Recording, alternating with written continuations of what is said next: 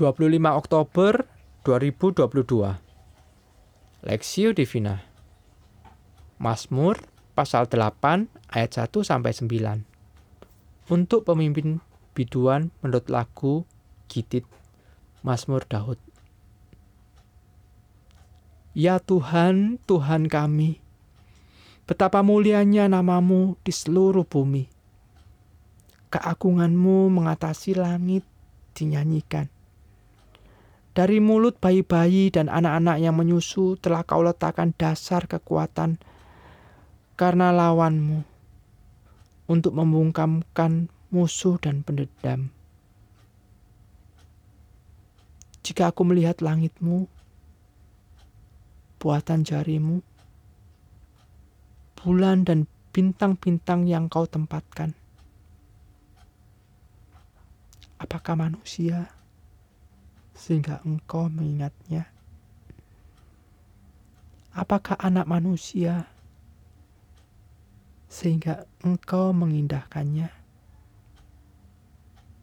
Namun engkau telah membuatnya hampir sama seperti Allah dan telah memahkotainya dengan kemuliaan dan rah dan hormat. Engkau membuat dia berkuasa atas buatan tanganmu Segala-galanya telah kau letakkan di bawah kakinya. Kambing domba dan lembu sapi sekalian, juga binatang-binatang di padang. Burung-burung di udara dan ikan-ikan di laut, dan apa yang melintasi arus lautan. Ya Tuhan, Tuhan kami, betapa mulianya namamu di seluruh bumi.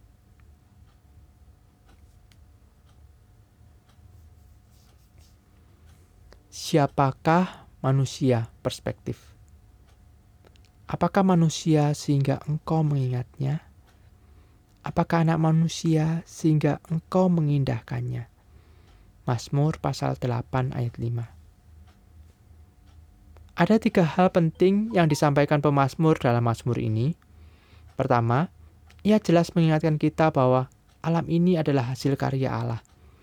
Alam ini tidak mungkin terbentuk karena ledakan besar, tak beraturan ataupun evolusi, evolusi yang bersifat acak.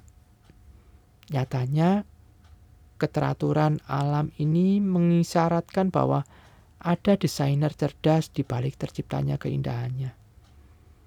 Pemasmur menulis bahwa Allah yang telah membentuk langit dengan jarinya dan menempatkan bulan dan bintang. Ayat 4.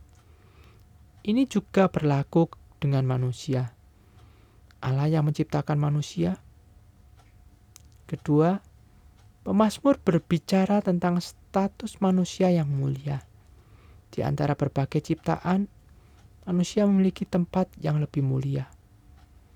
Manusia dimahkotai dengan kemuliaan dan hormat. Dijadikan sebagai penguasa atas segala ciptaan yang lain. Baik itu kambing domba, dan binatang di padang, maupun atas burung-burung di udara dan ikan di laut. Dengan kata lain, tidak berlebihan bila dikatakan bahwa manusia adalah mahkota ciptaan. Allah memiliki perhatian yang besar pada manusia. Ketiga, kemuliaan manusia bersifat derivatif, maksudnya bergantung pada sesuatu yang lain. Kemuliaan manusia bukan sesuatu yang bersifat inheren atau melekat secara alami pada diri manusia. Nilai manusia berasal dari luar dirinya. Allah lah yang menjadikan manusia bernilai. Allah lah yang membuat manusia hampir sama seperti Allah. Allah lah yang memahkotai manusia dengan kemuliaan dengan hormat. Bahkan Allah juga lah yang menjadikan manusia sebagai kepala atas cipta atas segala ciptaan.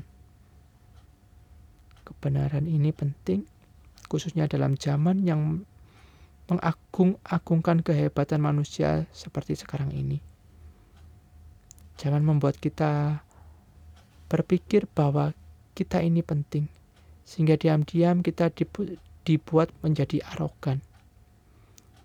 Zaman juga terus mendorong kita merasa diri cukup hebat dan tidak lagi memerlukan Allah.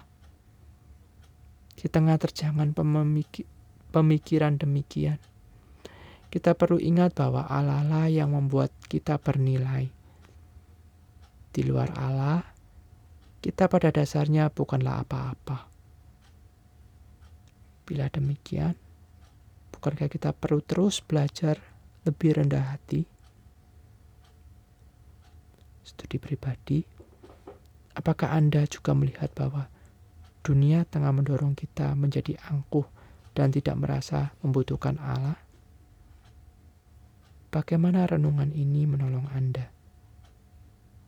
Pokok doa, doakan agar jemaat Tuhan terus hidup dalam kerendahan hati di hadapan Allah, menyadari bahwa di luar Allah, setiap kita bukanlah apa-apa.